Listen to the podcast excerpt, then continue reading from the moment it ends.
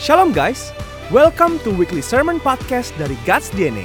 Sesaat lagi kamu akan mendengarkan firman Tuhan. Semoga firman Tuhan yang kamu dengar dapat mengubahkan hati dan hidupmu sepenuhnya kepada Yesus Kristus. Selamat mendengarkan. Siap untuk dengerin firman? Ayo kita dengerin firman ya. Kita dengerin firman, kita catat firman Tuhan, kita share firman Tuhan apa yang kamu dapat. Karena sepertinya minggu ini bukan cuma khotbah doang tapi plus Bible study sepertinya ya. Jadi Bible study at home. Hari ini kita akan belajar dari satu tokoh firman Tuhan dari perjanjian lama namanya Yakub. Yuk kita buka di kejadian 32 ayat 22 sampai 32. Kejadian 32 ayat 22 sampai 32. Di bulan ini kita akan mengakhiri bulan ini yang bertema More of You, Less of Me. Kita akan belajar dari Yakub. Kejadian 32 ayat 22 sampai 32 yang sudah ketemu katakan amin. Saya bacain ya. Pada malam itu Yakub bangun dan ia membawa kedua istrinya, kedua budaknya perempuan dan kesebelas anaknya dan menyeberang di tengah di tempat penyeberangan Sungai Yabok ayat 23. Sesudah ia menyeberangkan mereka, ia menyeberangkan juga segala miliknya. 24. Lalu tinggallah Yakub seorang diri dan seorang laki-laki bergulat dengan dia sampai fajar menyingsing. Ayat 25. Ketika orang itu melihat bahwa ia tidak dapat mengalahkannya, ia memukul sendi pangkal paha Yakub sehingga sendi pangkal paha itu terpelecok. Ketika ia bergulat dengan orang itu. Ayat 26. Lalu kata orang itu, biarkanlah aku pergi karena fajar telah menyingsing. Saub Yakub, aku tidak akan membiarkan engkau pergi jika engkau tidak memberkati aku. Ayat yang ke-27. Bertanyalah orang itu kepadanya, siapakah namamu? Sahutnya, Yakub. Ayat 28. Lalu kata orang itu, namamu tidak akan disebut lagi Yakub, tetapi Israel. Sebab engkau telah bergumul melawan Allah dan manusia dan engkau menang. Ayat 29. Bertanyalah Yakub, katakanlah juga namamu.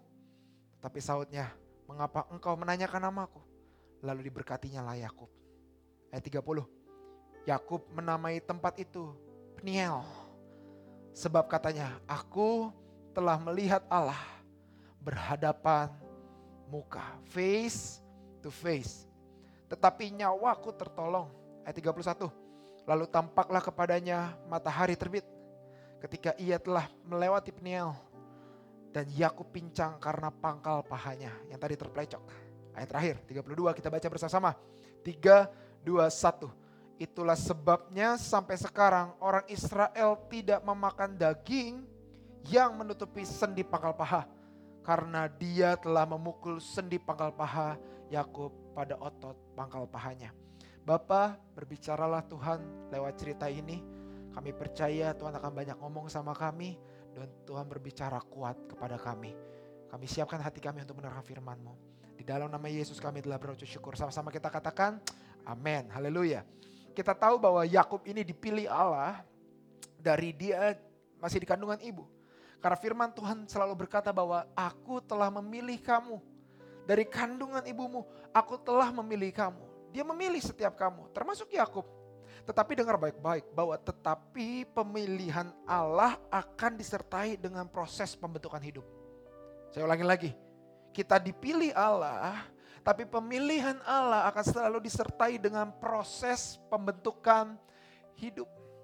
Kalau kita percaya bahwa kita dipilih Allah, harusnya kita juga merelakan diri kita untuk diproses sama Tuhan. Karena kenapa? Orang yang dipilih sama Tuhan akan diproses. Kalau kita melihat, wah enak banget ya orang kayaknya gak ada masalah. Gak mungkin karena semua orang punya masalah. Semua orang sedang diproses, termasuk kita diproses oleh Tuhan. Mungkin kita melewati wabah, kita melewati krisis, kita melewati masalah, kita melewati PHK, kita melewati permasalahan yang besar dalam kehidupan kita. Mungkin hari ini kita sedang diproses oleh Tuhan. Mungkin hari ini mungkin kau gak masuk ke universitas yang kamu inginkan, kamu gak masuk ke beasiswa, kamu gak dapat apa-apa dari kehidupan kamu. Dengar baik-baik, firman Tuhan berkata, Tuhan proses kamu. Dan pemilihan Allah akan selalu disertai dengan proses pembentukan hidup. Karena Tuhan tuh selalu berfokus kepada mengubah identitas orang tersebut dulu, baru memenuhi panggilannya. Orang yang gak tahu identitas yang gak akan bisa memenuhi panggilan Allah. Tetapi orang yang mengerti identitasnya adalah panggilan Allah. Aku adalah anak Allah. Aku adalah orang pilihan Allah. Saya yakin dan percaya orang itu dapat mengenapi panggilan Allah di dalam kehidupannya. Makanya rencana Tuhan gak bisa terjadi di dalam kehidupan kita. Kalau kita gak pakai kacamata yang benar. Kita harus melihat Yesus lebih banyak di dalam kehidupan kita dibandingkan kita melihat diri kita sendiri. Karena kenapa? Kehidupan kita bukan kehendak kita, tetapi kehendak Tuhan. Kalau kita melihat diri kita terlalu banyak, maka kita akan memfokuskan rencana kita, kehendak kita, maunya kita, target kita. Tapi saat kita melihat Yesus lebih banyak, more of Him, less of me, kita percaya rencananya terjadi amat besar. Karena Tuhan selalu berkutat pada identitas kita. Bagaimana kita melihat diri kita. Dan setelah itu Tuhan akan mengenapi rencananya terhadap hidup kita. Di kejadian 32 ini, perikopnya berkata seperti ini. Yakub takut bertemu dengan Esau. Kalau kita udah baca Alkitab, kita melihat cerita-cerita yang lalu, kenapa dia bisa takut? Karena waktu itu dia merebut hak kesulungan dari kakaknya. Setelah itu Esau berniat untuk membunuh Yakub. Sehingga Yakub kabur dan takut Esau akan membunuh dirinya. Akhirnya dia pergi dan you know what? Di saat di momen zona nyamannya Yakub, dia nggak ketemu Esau. Di mana di mana zona nyamannya Yakub, tempat terenaknya Yakub, dia nggak ketemu Esau. Dia nggak akan dibunuh. Dia di tempat yang enak. Dia menikmati kekayaannya. Dia menikmati keluarganya. Dia menikmati berkat-berkatnya. Dengar baik, di situlah Tuhan panggil dia. Hei, keluar dari zona nyaman. Dengar baik-baik, mungkin kalau hari ini Tuhan sedang menyuruhmu pergi dari zona nyaman kamu. Itu termasuk rencana Tuhan yang besar. Karena kenapa? Rencana Tuhan gak akan terjadi di zona nyaman. Rencana Tuhan selalu terjadi di luar dari zona nyaman. Dan Yakub disuruh sama Tuhan, eh pulang. pulang, ketemu Esau. Bisa bayangin gak sih saat momen di mana kamu tahu ada orang yang mau ngebunuh kamu. Dan Tuhan nyuruh kamu untuk ketemu sama dia habislah nyawa kita. Wah bisa stres banget. Yakub stres banget. Yakub makanya takutnya minta ampun. Kalau kita baca di kejadian 31 ayat 3 dibilang begini. Pulanglah ke negeri nenek moyangmu dan kepada kaummu. Dan aku akan menyertai engkau. You know, saya mau kasih tahu ke kalian semua. Bahwa panggilan Tuhan yang menarikmu dari zona nyaman. Dia bukan sembarangan nyuruh kamu keluar dari zona nyaman. Dia selalu berjanji bahwa saat engkau keluar dari zona nyaman, dia menyertai kamu. Saat Yakub disuruh Tuhan untuk pulang ke bangsanya, pulang ketemu Esau, saat dia takut ketemu Esau karena mau dibunuh, Yesus berjanji, berjanji bahwa aku akan menyertai engkau. Mungkin hari ini engkau lagi ada di zona nyaman. Mungkin engkau lagi menikmati berkat-berkat Tuhan, engkau sedang menikmati uh, uh, uh, gaji kamu, kamu lagi menikmati keluarga kamu, tapi di momen itu Yesus panggil kamu untuk keluar dari zona nyaman. Dan kebanyakan kita stres, berpikir gimana caranya? Gue takut keluar dari zona nyaman, gue udah enak di sini. Yesus selalu berjanji, Tuhan selalu berjanji, aku menyertai engkau. Mengapa Allah pengen banget ketemu sama Esau? Kenapa Tuhan pengen banget Yakub ketemu sama Esau? Bukan cuma bukan cuma sekedar supaya mereka berbaik-baikan. Bukan cuma sekedar itu. Kamu tahu ada esensi yang lebih dalam lagi kenapa Allah menyuruh Yakub untuk ketemu Esau. You know what? Untuk mengubah bagaimana Yakub memandang dirinya sendiri. Karena kenapa? Yakub telah ditentukan oleh Tuhan untuk menjadi berkat dari Abraham sampai kita. Allah Abraham, Allah Yakub. Nah, Dan di satu titik itu kalau kalau Tuhan tahu bahwa berkat ini akan mengalir lewat Yakub, kalau Yakubnya sendiri nggak punya identitas yang benar, maka berkat Allah Abraham itu akan stuck di Yakub. You got it? Tapi Allah berusaha mengubah Yakub dan bergumul dengan Yakub supaya kenapa? Supaya berkatnya dicurahkan untuk kita semua. Kalau kita baca di kejadian 32 ayat 28, ini adalah yang paling penting. Ayo kita baca ya, ayat yang ke-28. Ayat ke-28. Kita baca bersama-sama. 3, 2, 1. Lalu kata orang itu, namamu tidak akan disebutkan lagi Yakub, tetapi Israel. Sebab engkau telah bergumul melawan Allah dan manusia. Dan engkau menang. Singkat cerita, di mana kalau kamu perhatiin di ayat sebelumnya, saat dia melewati sungai, dia itu nyebrangin istrinya dulu. Lucu gak sih? Kebanyakan cowok-cowok ladies first, ladies first. Ladies first karena sopan. Tapi Yakub ladies first gara-gara takut. Dia bentar lagi masuk ke wilayah keluarganya. Dia suruh ah, istrinya dulu aja. Udah istri-istriku dulu, eh, orang-orang di dalamku dulu, aku nanti terakhir. Bayangin betapa pengecutnya seorang Yakub. Sehingga dia di situ berdiam diri tinggal sendirian. Dan Allah menemukan dirinya dengan Yakub. Dan saat mereka bergulat, saat mereka mulai bertarung, Yesus melihat sudah ada usaha yang besar di dalam Yakub. Sehingga dia memukul pahanya. Pak, terplecoklah pahanya. And you know what?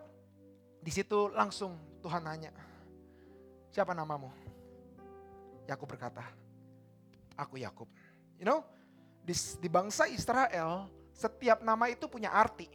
Ya, semua nama orang-orang Yahudi memiliki arti.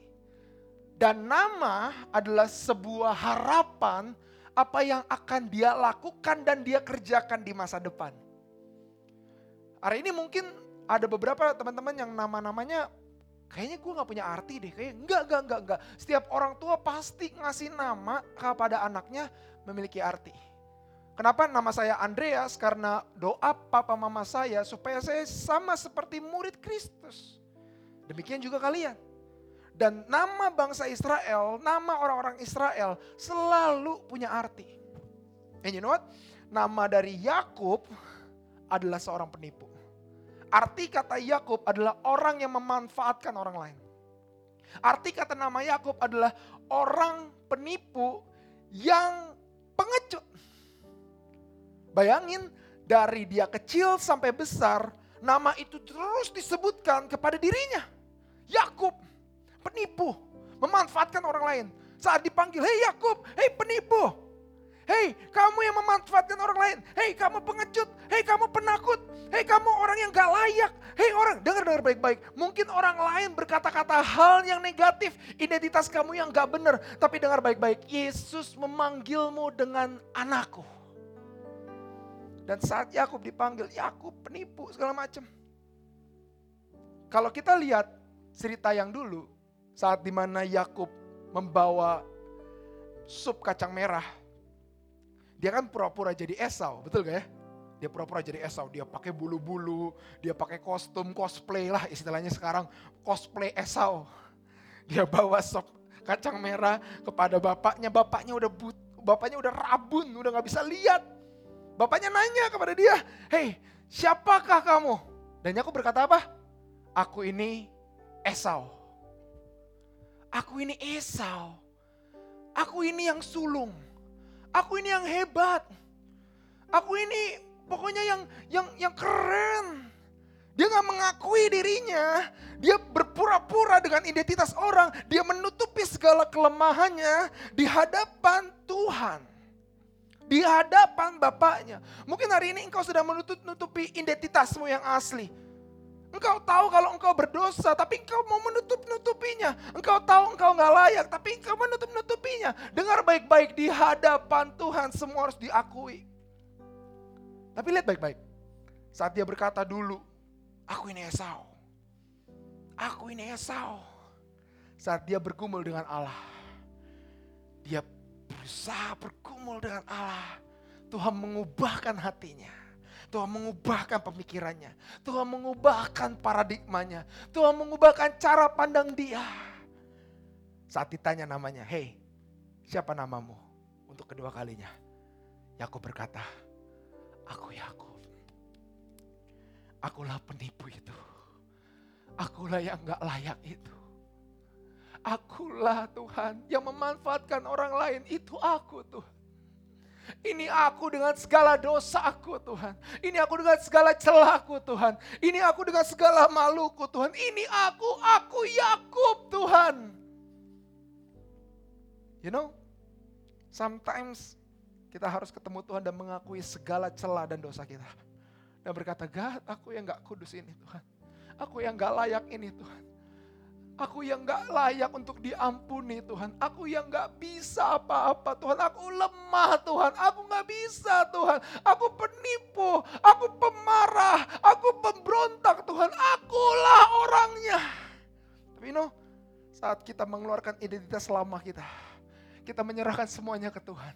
Saat kita mengakui semuanya, semuanya kepada Tuhan. Tuhan berkata, ayat berikutnya.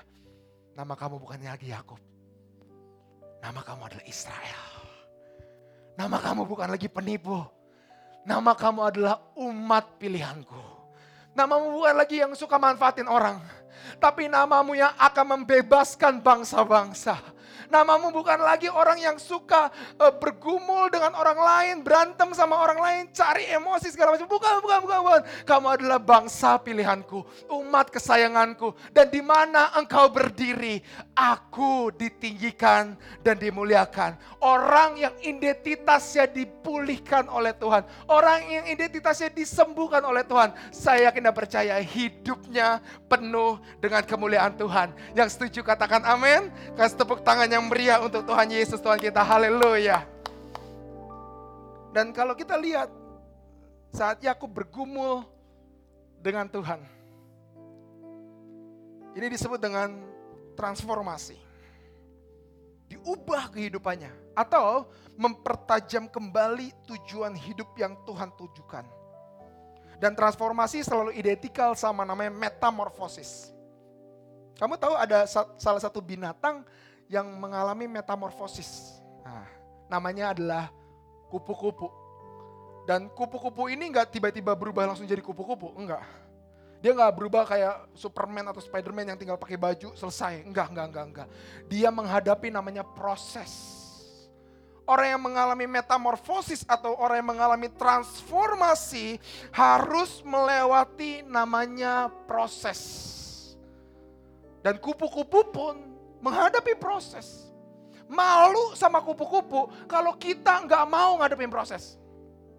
Malu sama kupu-kupu kalau kita baru masalah sedikit aja nyerah. Malu sama kupu-kupu kalau kita baru ngadepin permasalahan sedikit aja kita udah bilang, Tuhan maunya apa sih? Tuhan di mana engkau? Engkau turun, aku yang atur. Wuh, keren banget. Malu sama kupu-kupu. Tapi ayo kita belajar dari kupu-kupu. Kupu-kupu dimulai dari ulat kepompong.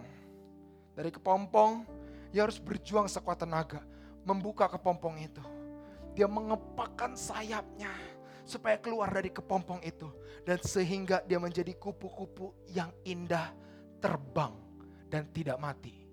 Seandainya kupu-kupu itu adalah kita yang suka menyerah, mungkin kupu-kupu itu saat membuka kepompongnya, ah, gak bisa nih, ah, capek, nyerah. Maka dia akan mati di dalam kepompongnya sendiri. Saya mau kasih tahu ke kalian semua. Sama seperti kita. Kalau di tengah-tengah proses kita menyerah, di tengah-tengah proses kita nggak mau berubah, di tengah-tengah proses kita nggak mau menyerahkan semuanya kepada Tuhan, di tengah-tengah proses kita nggak mau bilang Tuhan biar Engkau yang bekerja bukan aku yang bekerja. Saya mau kasih tahu di tengah-tengah proses kita kita akan mati. Sangat ironis kita mati di dalam proses kita sendiri. Sangat ironis kita mati dalam kehidupan kita sendiri. Bukan orang lain yang bunuh kita, bukan orang lain yang lukain kita, tapi kita yang ngebunuh diri kita sendiri. Karena kenapa? Karena kita nggak mau diproses. Kalau engkau mau melihat Yesus bekerja lebih banyak dalam kehidupan kamu, kamu harus diproses. Kenapa? Saat engkau diproses, engkau akan menyerahkan dirimu dan berkata, Tuhan, biar engkau yang bekerja. Jadi sebuah transformasi dan metamorfosis membutuhkan namanya perjuangan. Dan saat Yakub ketemu Tuhan, Tuhan gak pengen berkhotbah di depannya. Oh ya, kamu harus berubah identitasnya ya. Kamu harus jadi Israel. Enggak, enggak, enggak. Karena Tuhan tahu satu-satunya cara mengubah cara pandang kita. Satu-satunya cara mengubah paradigma kita adalah satu. Kita harus berjuang. Kita harus bilang, God, gue mau berjuang ngadapi masalah gue. But more of you God, less of me. Biar engkau saja Tuhan yang ada di hidupku. Bukan aku. Transformasi rohani Yakub Allah kerjakan dalam pergumulan. Untuk itu makanya kenapa Tuhan nyuruh Yakub, ayo pulang. Ketemu sama Esau, hadapi ketakutan kamu. Supaya kamu tahu kamu orang yang penakut. Supaya kamu tahu kamu orang yang pengecut.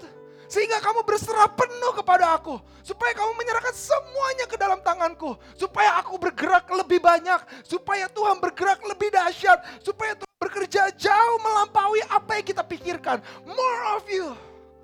Less of me. Hadapi ketakutanmu. Apa yang menjadi ketakutanmu hari ini? Hadapi. Di saat kau menghadapi ketakutanmu. Yesus bekerja lebih banyak. Dan kau menyerahkannya kepadanya. Di situ dibilang, ayo beresin. Beresin masalah kamu. You know, saya nggak tahu kenapa, mungkin ada beberapa teman-teman yang nonton adalah seorang pelayan. Pelayan Tuhan. Engkau sudah melayani di gereja, entah saya nggak tahu ya, kamu jadi WL, engkau jadi singer, engkau jadi pemain musik, atau apa pun itu. Apa pun itu. Bahkan bahkan mungkin pengkhotbah. Mungkin hari ini engkau ada sesuatu yang belum kamu beresin. Mungkin hari ini ada sesuatu yang mengganjal di hati kamu. Mungkin ada sesuatu yang rasanya gue gak bener nih. Hari dengar, kalau engkau mau biarkan Tuhan lebih banyak dalam kehidupan kamu, hadapi permasalahan itu. Selesaikan, lakukan pemberesan rohani. Supaya Tuhan bekerja lebih dahsyat dalam pelayanan kamu. Hari ini, mumpung kamu nggak pelayanan di sini, saya nggak tahu juga nih yang di sini ada yang tertemplak gak sama khotbah saya, saya juga nggak tahu. Tapi mungkin kamu yang nonton hari ini, kamu mungkin nggak pelayanan hari ini karena gereja tutup. Ini waktu yang tepat. Ini waktu yang sangat tepat untuk kamu berkata, God, gue pengen melayani engkau lebih lagi. God, gue pengen engkau lebih banyak dalam pelayananku. Di momen di mana gue gak pelayanan ini Tuhan, Tuhan gue ingin buktikan bahwa bukan pelayananku yang lebih banyak. Tapi engkau yang lebih banyak. Bukan jadwal saya main musik lebih banyak. Tapi jadwal saya intim dengan Tuhan lebih banyak. Karena more of you God, less of me. Aku akan hadapi ketakutan aku. Aku akan lakukan, pemberesan. Hari aku akan bertobat. Supaya engkau lebih banyak bekerja dalam kehidupanku. Yang setuju katakan amin. Tepuk tangan yang meriah untuk Tuhan Yesus Tuhan kita. Haleluya. Dengar baik-baik. Bagaimana Tuhan melakukan pemberesan rohani kepada Yakub? Eh, ini seru banget nih. Tuhan buat pangkal pahanya terplecok. Kamu tahu kenapa Tuhan memukul pangkal pahanya? Saya mau kasih ilustrasi, Vin, ke sini Vin, bentar. Vin. Kalau seandainya kok Kevin, Bang Kevin, Bang Kevin sorry, Bang Kevin uh, saat bergulat dengan saya, wah bergulat, Wing Chun, bergulat Wing Chun. saat lagi bergulat, saya udah, wah udah ini, udah ini, udah, udah, udah, udah, udah, udah, saya mau pukul bagian yang paling vital, di mana dia susah untuk berjalan. Saya nggak pukul tangannya, karena dia masih bisa berjalan saya nggak akan pukul jemarinya. Paling dia nggak bisa nulis. Apalagi sekarang udah ngetik. Kalau saya pukul uh, bagian lututnya, dia masih bisa jalan. Masih bisa jalan. Kalau dia pukul engkelnya atau bagian uh, mata kakinya, masih bisa jalan. Tapi ada satu yang sendi paling besar, yang paling dibutuhkan kalau berjalan bisa tegak yaitu bagian pangkal pahanya. Dan Tuhan pukul pangkal paha Yakub, pak, sehingga dia jalannya gak bisa tegap. Kok kalau kan kedokteran nih, kalau di pangkal paha tuh anggap ah sakit gitu. Patah contoh patah. Jalannya kira-kira kayak gimana kok? Bakal gimana? Kalau dipaksain banget, jalannya kayak gimana? Wah, udah gini ya. Wah, wah udah nyeret-nyeret ya. Betul ya? Thank you kok Kevin. Kamu tahu kenapa pangkal pahanya? Karena simple. Tuhan pengen membuktikan kepada Yakub bahwa semuanya harus dilakukan oleh Tuhan. Tuhan pengen dia pukul pangkal pahanya Yakub supaya ta kamu tahu kenapa? Supaya dia semakin bergantung kepada Tuhan. Saat dia berjalan, dia bergantung kepada Tuhan. Saat dia berdiri, dia bergantung kepada Tuhan. Saat dia mau duduk, sakitnya minta ampun, dia bergantung sama Tuhan. Tuh dari mana kok? Ayo kita buka di kejadian 32 ayat yang ke-10. Kejadian 32 ayat yang ke-10. Yang sudah ketemu, katakan amin. 32 ayat ke-10. Lihat baik-baik, apa yang Yakub punyai pertama kali sebelum dia bergumul dengan Allah. 32 ayat yang 10 ya. Ini berarti tandanya ayat yang sebelum kita baca tadi.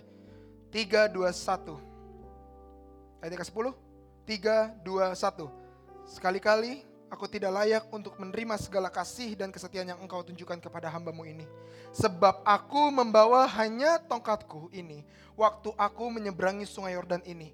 Tetapi sekarang Lihat baik-baik, lihat baik-baik. Sebelum dia bergumul dengan Allah. Sebelum dia melakukan pemberesan rohani, you know, dia bawa tongkat. Dia bawa tongkat. Bagi orang Israel, tongkat itu lambang kekuatan.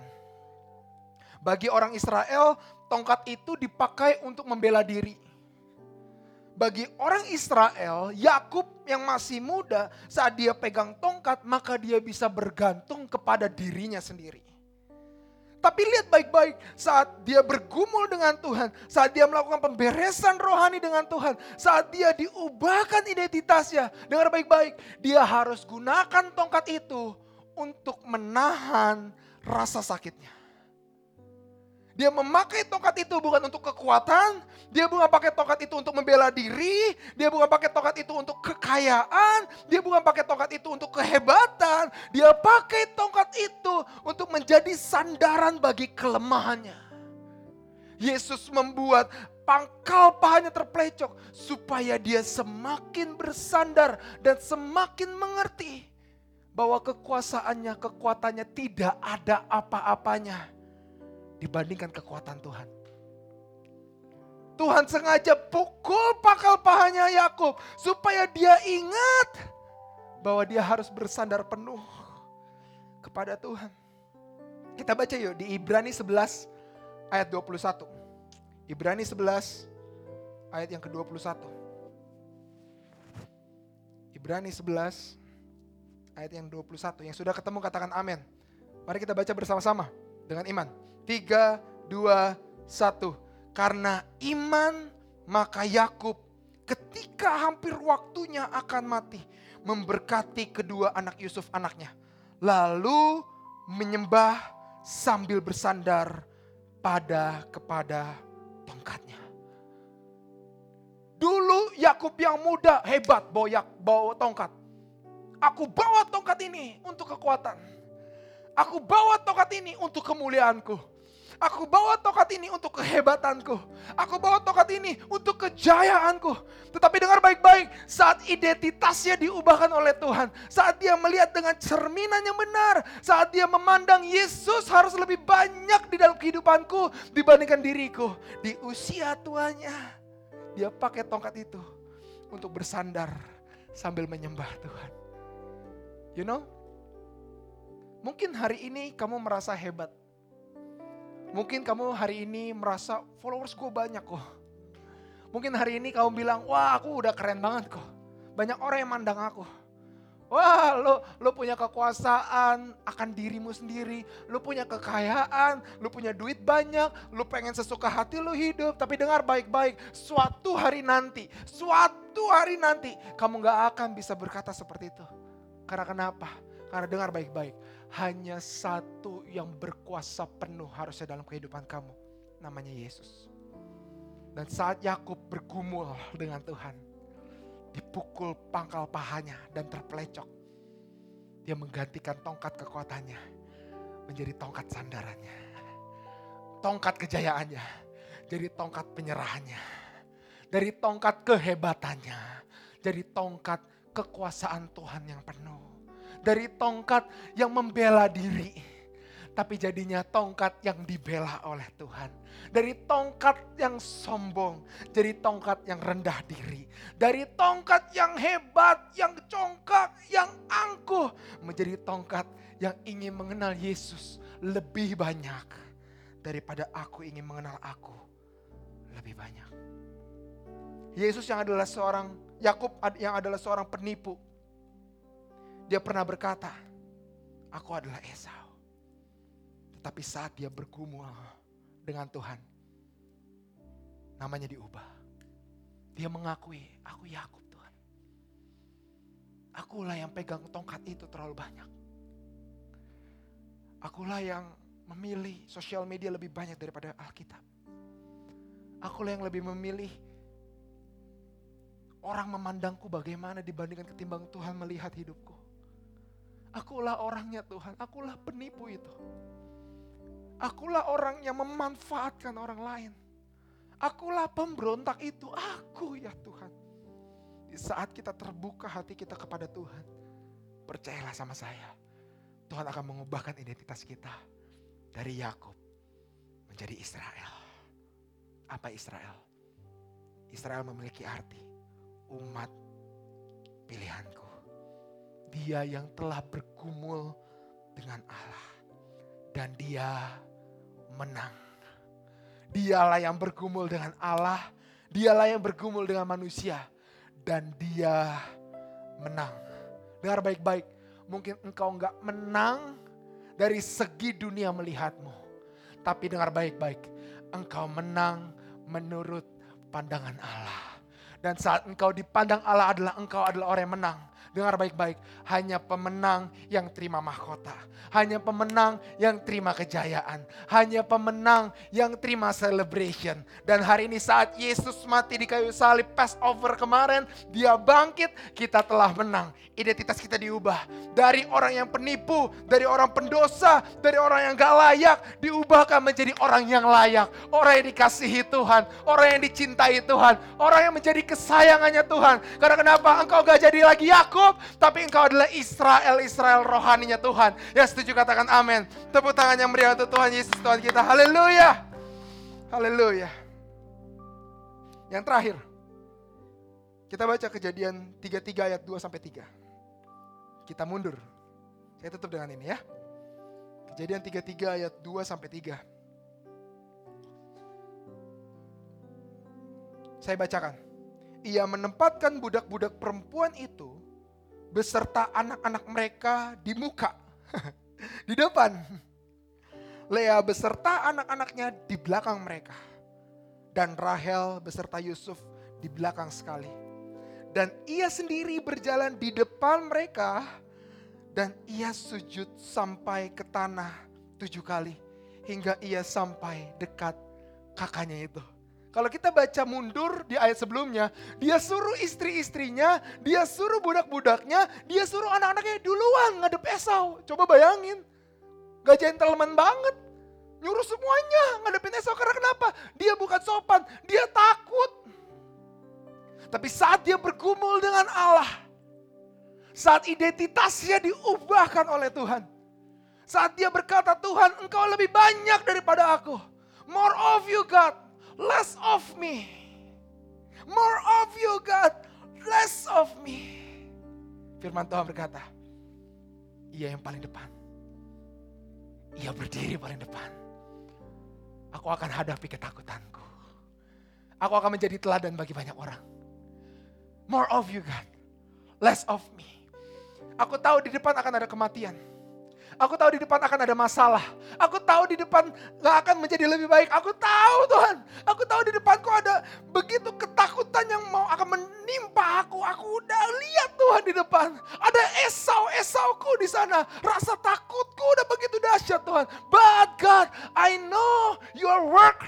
Aku tahu engkau bekerja. Aku tahu engkau ada di dalamku lebih besar daripada aku. Dan hari ini aku berubah. Dari aku yang di belakang. Menjadi yang paling depan. Dia hadapi ketakutannya. Karena dia telah bertemu Tuhan. Dan you know what? Apa yang dia lakukan? Dia bersujud menyembah. Kata firman Tuhan. Ia sujud sampai ke tanah tujuh kali. Orang yang dulu sombong, orang yang dulu penipu, orang yang dulu menganggap dirinya hebat karena kekuatannya saat diubahkan oleh Tuhan, berubah. Berubah 180 derajat. Dia jalan dengan segala kerendahan hatinya. Dia sujud ketemu Esau. Yakub menjadi orang yang penuh dengan tanggung jawab. Yakub berubah menjadi orang yang takut akan Tuhan. Yakub berubah menjadi orang yang berani terima tantangan. Yakub berubah menjadi memiliki kerendahan hati dan mau mengakui kesalahannya di hadapan Tuhan. Karena kenapa? Dia telah bergumul dengan Tuhan. Dia telah diproses. Dia telah dihajar habis-habisan. Dari yang kekuatan, bukan kelemahan, tapi penyerahan. Ubah rasa kuat kamu, bukan dengan kelemahan, tapi dengan penyerahan kepada Tuhan. Kuncinya cuma satu. Kalau engkau mau melihat dia lebih banyak daripada kamu, bertemulah dengan dia. Face to face. Arti kata Peniel di mana Tuhan ketemu sama Yakub adalah karena aku telah bertemu Tuhan. Bertatap muka. Orang yang bertemu Tuhan pasti akan diubahkan. Kalau hari ini kamu merasa, kok gue gak diubah-ubahkan ya kok ya? Kalau engkau merasa hari ini, kok gue gak berubah-berubah, gue sama aja. Mungkin hari ini engkau belum ketemu Tuhan yang sejati. Tapi hari ini saya mau ajak kalian semua, mari ketemu Tuhan. Mari hampiri Tuhan. Dan saat engkau ketemu sama Tuhan, identitasmu diubahkan oleh Tuhan. Yosua bertemu dengan Tuhan. Musa bertemu dengan Tuhan. Paulus bertemu dengan Tuhan. Petrus bertemu dengan Tuhan. Dan sekali perjumpaan dengan Tuhan mengubahkan seluruh kehidupannya. Dari yang penuh dengan aku menjadi penuh dengan Tuhan. Dari identitas yang salah, identitas yang gak benar, identitas yang penuh dengan diri sendiri. Diubahkan oleh Tuhan menjadi identitas surga. Anak-anak Allah yang dikasihi Tuhan. Kita baca ayat terakhir ya. Saya panggil semua pemain musik. 1 Korintus 13 ayat 12. 1 Korintus 13 ayat yang ke-12. Yang sudah ketemu, katakan amin. Ayat terakhir yuk, kita bangkit berdiri yuk. Di mana pun kamu berada, uh, di kasur kamu, di sofa, di mana pun kamu bersama orang tua kamu mungkin. Halo om, halo tante. Bersama adik-adik kamu, mari kita bangkit berdiri yuk. Kita hormati firman Tuhan sambil kita tutup hari ini. 1 Korintus 13 ayat yang ke-12. Kita baca bersama-sama dengan iman. Ya, dengan iman. Dengan iman. 3, 2, 1. Karena sekarang kita melihat dalam cermin suatu gambaran yang samar-samar. Tetapi nanti kita akan melihat muka dengan muka. Sekarang aku hanya mengenal dengan tidak sempurna. Tetapi nanti saat ketemu sama Tuhan, aku akan mengenal dengan sempurna seperti aku sendiri dikenal. Hari ini pertemuan dengan Tuhan akan mengubahkan seluruh identitas kita. Dan saat kita bergumul, kita menghadapi ketakutan kita. Kita menghadapi masalah kita. Kita tidak jadi lagi takut. Karena kita tahu Tuhan lebih banyak, kita lebih sedikit. Tuhan yang lebih tinggi, kita yang lebih rendah. Tuhan yang lebih bekerja, kita berserah kepada Tuhan. Yang setuju katakan amin. Come on, angkat kedua tanganmu tinggi-tinggi di hadapan Tuhan. Nyanyikan lagu ini, katakan ku ingin melekat ya Tuhan. Haleluya. Terima kasih telah mendengarkan Weekly Sermon Podcast dari God's DNA. Benih firman Tuhan yang ditanam tidak akan pernah sia-sia dalam kehidupanmu. Sampai bertemu di Weekly Sermon Podcast berikutnya. Tuhan Yesus memberkati.